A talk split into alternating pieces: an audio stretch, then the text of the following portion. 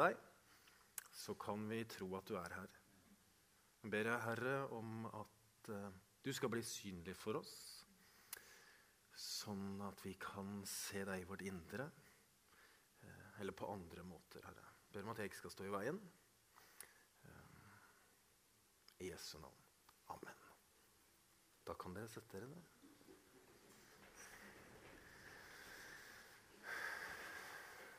Går det fint med dere? Ja, sånn stort sett? Ja. Det er bra.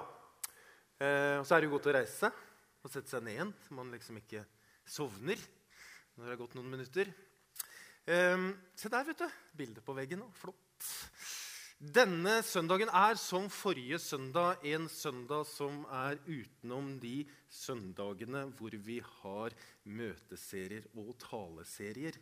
Eh, og vi starter en neste uke eh, som heter 'Å vende' Nei, det, hva heter den igjen, da? Den heter 'Å eh, finne veien tilbake til Gud'. Ja, den skal gå over fem uker. er kjempefin.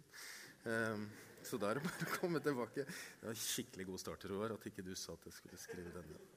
Så Derfor så, så, står denne søndagen på egne bein. Og det er fint av og til å ha sånne søndager på egne bein, for da kan man liksom velge selv. Og for de av dere som var her for tre uker siden, så når jeg sto her oppe da, da satt jeg. Og så var jeg litt sånn skeiv, for jeg hadde fått så grusom sånn kink i ryggen på morgenen. Så det betyr at jeg har vært hjemme et par uker liksom, og, så, og, og tatt det med ro og gått til naprapat. Og, og sånt. Og da når man, når man, gjør det, da, så får man mulighet til å tenke litt mer over hva er det vi holder på med. Hva er det vi driver med her? Så egentlig kunne det stått 'hva er det vi driver med' istedenfor 'hva er oppdraget'. Men så jeg tenkte å si noe om hva er oppdraget vårt. Og det er litt ålreit. Um, og det som er oppdraget vårt, da, det er To korte setninger er det jeg skal oppsummere det med.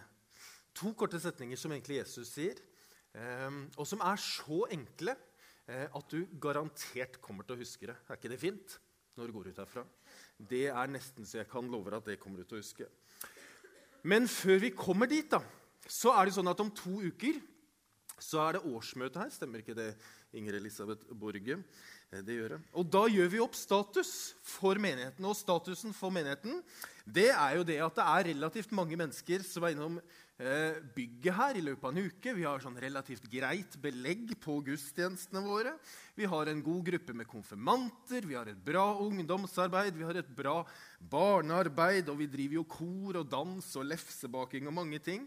Og vi har besøkstjeneste, omsorgstjeneste, vi har samtaleteam, vi har veiledningsteam, vi har velkomstteam, vi har undercover-team, vi har økonomiteam, strategiteam, byggeteam og husteam. Vi har liksom team for det aller meste. Og det er sånn at Når man ser liksom på, på, alt det vi driver med, så driver vi med ganske mye. Og så er det også sånn, sånn i all ydmykhet, at en del av det vi gjør, gjør vi også da ganske bra, faktisk. Eh, sånn rent subjektivt sett, da.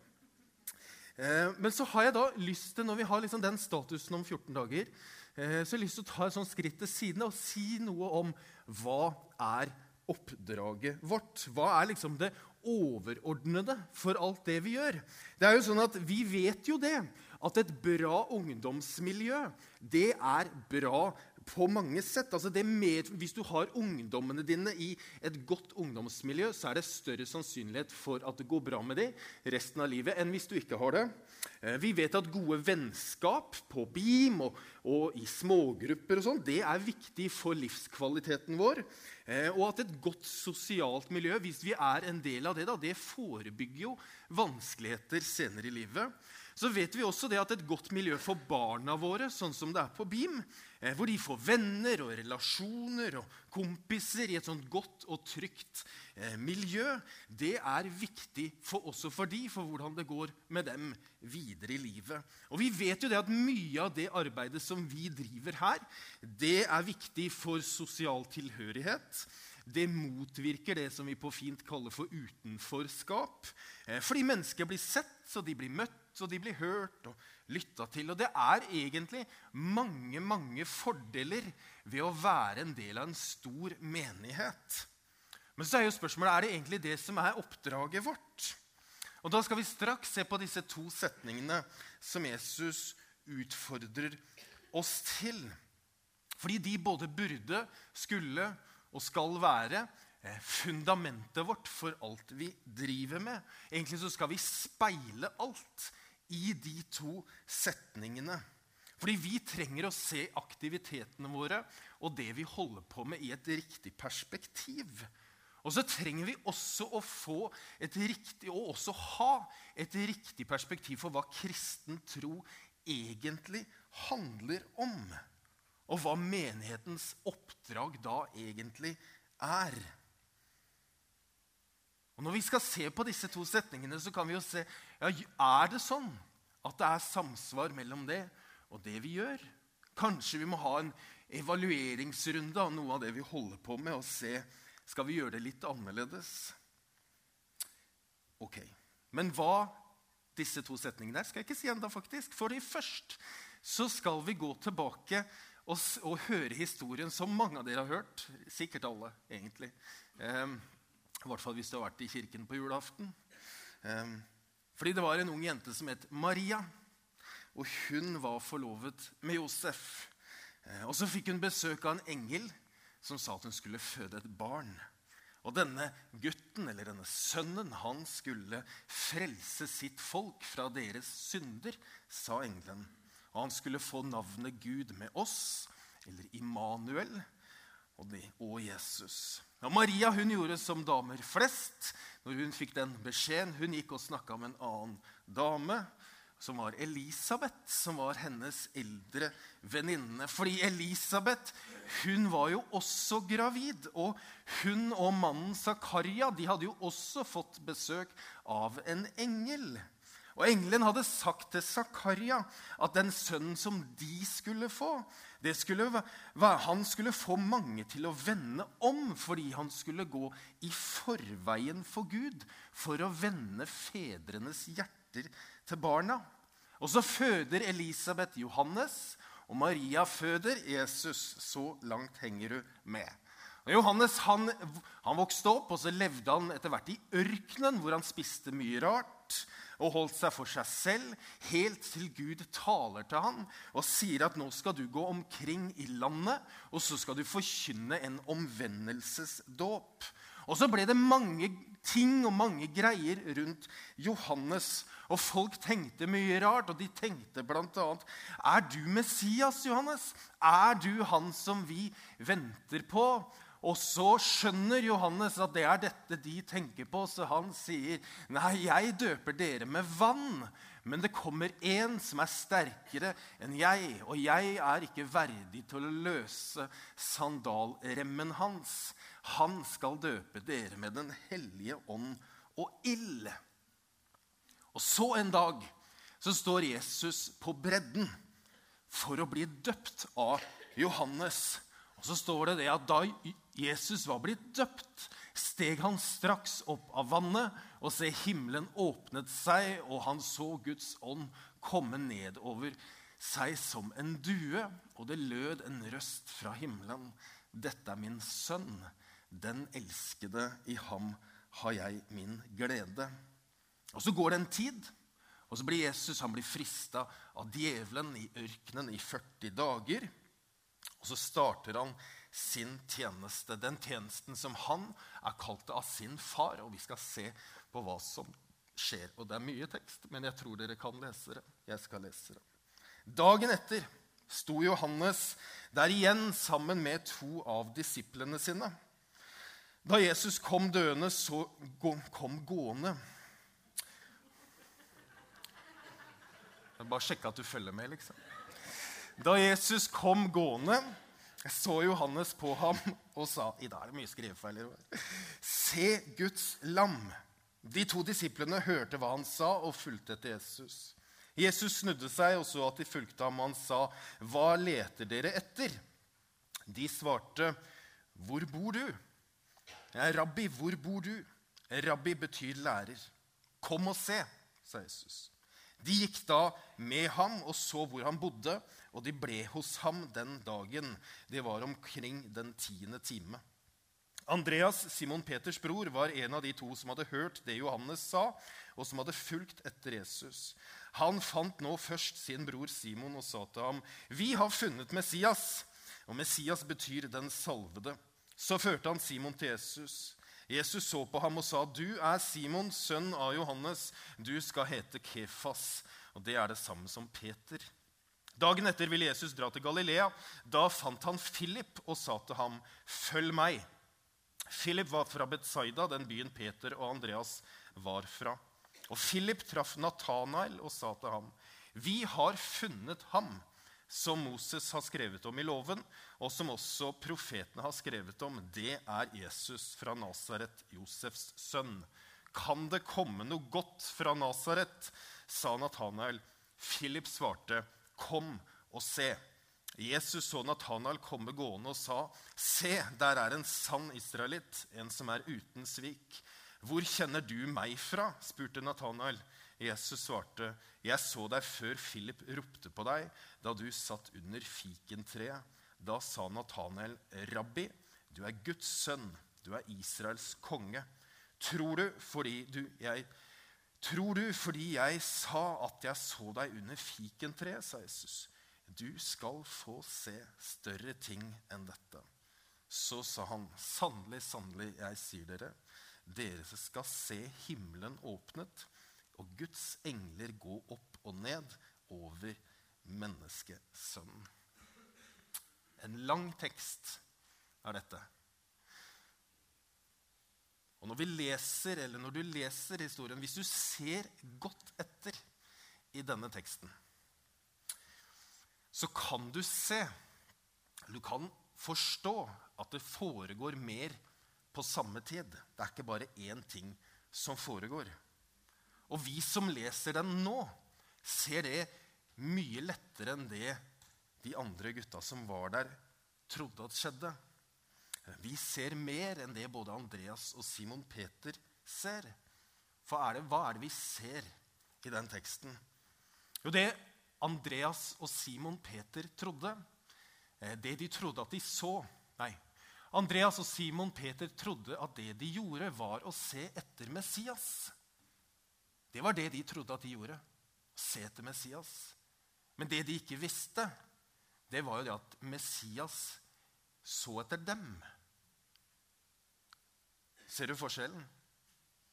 Og Det er jo her når Johannes skriver dette, at han vet at mange av de som vil lese dette, vil kunne identifisere seg med akkurat det. At de som har lett etter Messias, egentlig er blitt funnet av ham. Fordi han har lett etter dem, altså motsatt av det de trodde.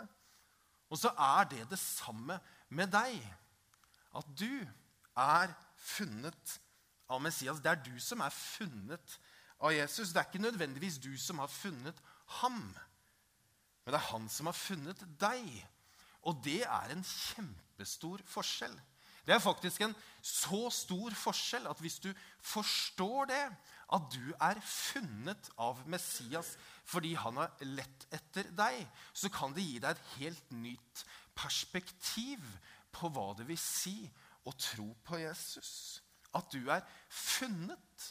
Ikke at du har funnet noe. At du er valgt ut. At du er utvalgt, som vi sier. At det er han som har valgt deg. Og fordi han har valgt deg, så vil han også ta hånd om deg og ha omsorg for deg og være med deg og føre deg videre sammen med han. Andreas og Simon Peter og de andre som var sammen med døperen Johannes, de sjekka jo Jesus ut. Fordi han hadde sagt 'kom og se'. Og de hadde jo gjort det. De hadde gått og sett. De hadde gått etter Jesus, hjem til han, og så hadde de sett. Jeg vet at du, kanskje du som sitter her, mest sannsynligvis sitter her fordi på et eller annet tidspunkt i livet så er det noen som har sagt til deg 'Kom og se'. Kom og sjekk ut Jesus. For det er jo den invitasjonen som han gir til alle mennesker å komme og se. Og når vi har kommet og sett, og vi har fortsatt og kommet og sett, og vi fortsetter og kommer og ser, så betyr det at på et eller annet tidspunkt så skifter det over fra å komme og se til å komme og følge etter. Og da følger vi etter han dit han går. Da ser vi hva han gjør, da hører vi hva han sier, og så følger vi etter, og så blir vi en etterfølger. Og det er jo det som er kjernen i den kristne tro, det å følge etter. Og det betyr at det som vi som menighet er kalt til å gjøre, det er to ting. Og det er å legge til rette for at mennesker kan komme og se. Og det andre er å legge til rette for at mennesker kan følge etter Jesus og forsøke å etterligne han ved å følge etter. Det å legge til rette for at de som kommer hit på de aktivitetene som vi har, kan se Jesus. At de kan komme og se han. Og så skal vi legge til rette for at de som kommer og ser, kan følge etter. Kan starte å følge etter, fortsette å følge etter, eller å utvikle den etterfølgelsen. Fordi kristen tro det handler ikke om å ha alle de rette svarene, eller om å bare få livet sitt på rett kjøl, eller de tre v-er, som er da Villa, Volvo og Vovvov, og ha det på plass. Det handler ikke bare om å ta ansvar for skaperverk og sikre en bærekraftig livsoppholdelse for alle folk, eller sikre at barna våre har et godt oppvekstmiljø og at det går dem godt i livet. Og det handler heller ikke bare om å få gullbilletten til himmelen i hånden. Det er jo bare en konsekvens av det. Fordi den kristne troen handler om at himmelen får flytte inn i våre liv at det får ta bolig i oss. Fordi himmelen handler ikke bare om en fremtid langt der fremme, som vi liksom får idet vi dør, og da får vi gullbilletten. Men det handler jo om en, om det vi sier på fint, om en sånn transformasjon, eller en forvandling av vårt indre liv, hvor himmelen flytter inn i oss. Det står, Johannes skriver at ordet ble menneske og tok bolig i oss. Han ble menneske. Han ble kjøtt. Det som var der oppe, altså det som var noe svevende eller noe åndelig, eller noe der, det ble helt konkret. Og så flytta det ned. Det ble fysisk. Det ble noe de kunne ta på. Det ble en helt ny måte for Gud å vise skaperverket sitt, at han er Gud. Det tok bolig. Det flytta inn. Du vet, I Gamle Testamentet så står det at Gud regelmessig taler gjennom Hans ord. Det står ved Herrens ord ble himmelens hær Nei, ved Herrens ord ble himmelen skapt, hele himmelens hær, ved pusten av hans munn. Jesaja han skriver, en røst sier, 'Rop ut'. Jeg svarer, 'Hva skal jeg rope?' Alle mennesker er gress. All deres troskap er som blomsten på marken. Gresset tørker bort, blomsten visner når Herrens ånde blåser på den. Sannelig, folket er gress. Gresset tørker bort, blomsten visner, men ordet fra vår Gud står fast for evig. Det betyr at Guds ord er det eneste som står fast, som vil vare evig, selv om vi som mennesker visner og dør. Jesaja skriver også at for lik regn og snø som faller fra himmelen og ikke vender tilbake dit før de har vannet jorden, gjort den fruktbar, fått den til å spire, gitt såkorn til den som skal så, og brød til den som skal spise. Slik er mitt ord som går ut av min munn. Det vender ikke tomt tilbake til meg, men gjør det jeg vil, og fullfører det jeg sender det til. Det betyr at Guds ord vil gå ut fra hans munn og bringe liv og bringe helbredelse og bringe frelse. Da til Israel, som dette var snakk, til, snakk om, men til hele skaperverket. Og Det er jo derfor Johannes bruker ordet 'ordet', for det er det samme. Det er ikke et sånt abstrakt, filosofisk begrep hvor vi liksom sier 'ordet', men det er en person. Det er Jesus i kjøtt og blod. Og han ble menneske, tok bolig i oss og flytta inn i deg og meg ved sin ånd. Det er jo hvem Jesus er. Hvis du lurer på hva kristen tro er, så skal du se på Jesus hardt og lenge og langt. For jo lenger du ser på Jesus, jo mer forstår du hvem han er. Og så står det det at alle dem som tok imot ham, den ga han rett til å bli Guds barn. De som tror på hans navn. Og det betyr at hvis du tror på hans navn, så er du inkludert i den nye skapelsen som starter i dag, og som en konsekvens av det er at du går til himmelen når du dør. Men det er jo ikke poenget. Poenget er jo at Guds fylde flytter inn i deg i dag. Og Guds metode, eller Guds kraft for det her, hvordan får han det til? Jo, det kaller vi for nåde. Og nåde er gratis for deg. Den koster jo ingenting. Men som jeg sier til mine barn, at, den, at det som er gratis, det koster jo noe for noen. Det er jo ingenting som er gratis, som ikke koster noe for noen. Så Hvis vi hadde hatt gratis kirkekaffe her, så hadde jo det kosta noe for noen. Eller hvis du får noe gratis, så vet du at det koster noe for noen. Og den nåden som er gratis, den kosta Gud Fader sin sønn, Jesus. Den kosta enormt mye for han. Men det er jo gjennom det at den blir da gratis for deg, som gjør at han kan gi deg hans nåde. At du er blitt valgt ut, at du er blitt kalt ut, at det er du som er utvalgt. Og som gjør at ordet flytter inn i deg. Ok.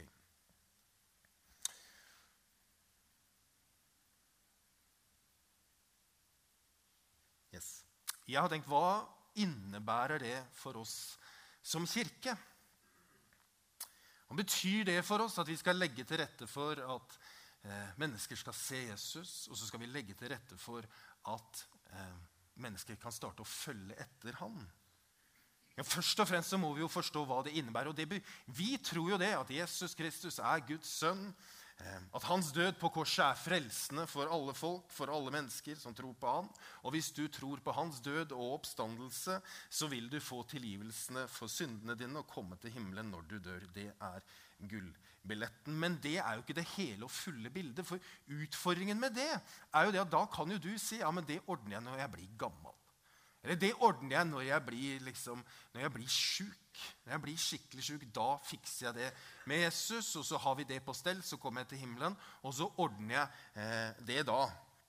Men da har vi jo misforstått hele poenget som jeg forsøker å understreke. At å vandre med Jesus, det er noe som starter i dag. Det er ikke noe som starter når du dør, eller når du ligger på dødsleiet. Det starter i i dag. Du vet at Ordet 'kristen' det er jo nesten ikke brukt i Nytestamentet. Det var bare noe de brukte tre ganger. litt sånn spesielt. Men ordet 'disippel' det er jo brukt 269 ganger i Nytestamentet. Fordi du kan ikke fortjene verken nåde eller frelse. Men du kan velge å bli en disippel. Du kan velge å bli en som følger etter gjennom å stole på ham gjennom å se hva han gjør, gjennom å høre hva han sier, og vandre etter han. Hva skjedde med disiplene når de catcha dette? Hva var det de gjorde? Noen av de gravde jo hull i taket, sånn at de kunne fire en mann ned. Kompisen sin ned, så han bare skulle få se Jesus. Det var jo noen som forsøkte bare å ta på ham, så de kunne være i hans nær. Så desperate var de for å komme fram til Jesus. De kunne bare ta på kappen hans. Det var jo noen som klatra opp i sånne høye trær, så de bare kunne se Jesus. Fordi når de skjønte hva dette handla om, så fikk de en sånn enorm lengsel etter bare å se Jesus. En sånn enorm begeistring. Og de gjorde det de måtte for å kunne se Jesus. Og Da handler ikke kristenlivet om hva som er rett eller galt, eller hvor langt du kan gå til høyre før du liksom synder, eller hvor langt du må gå til venstre, eller hvor liksom grensene går.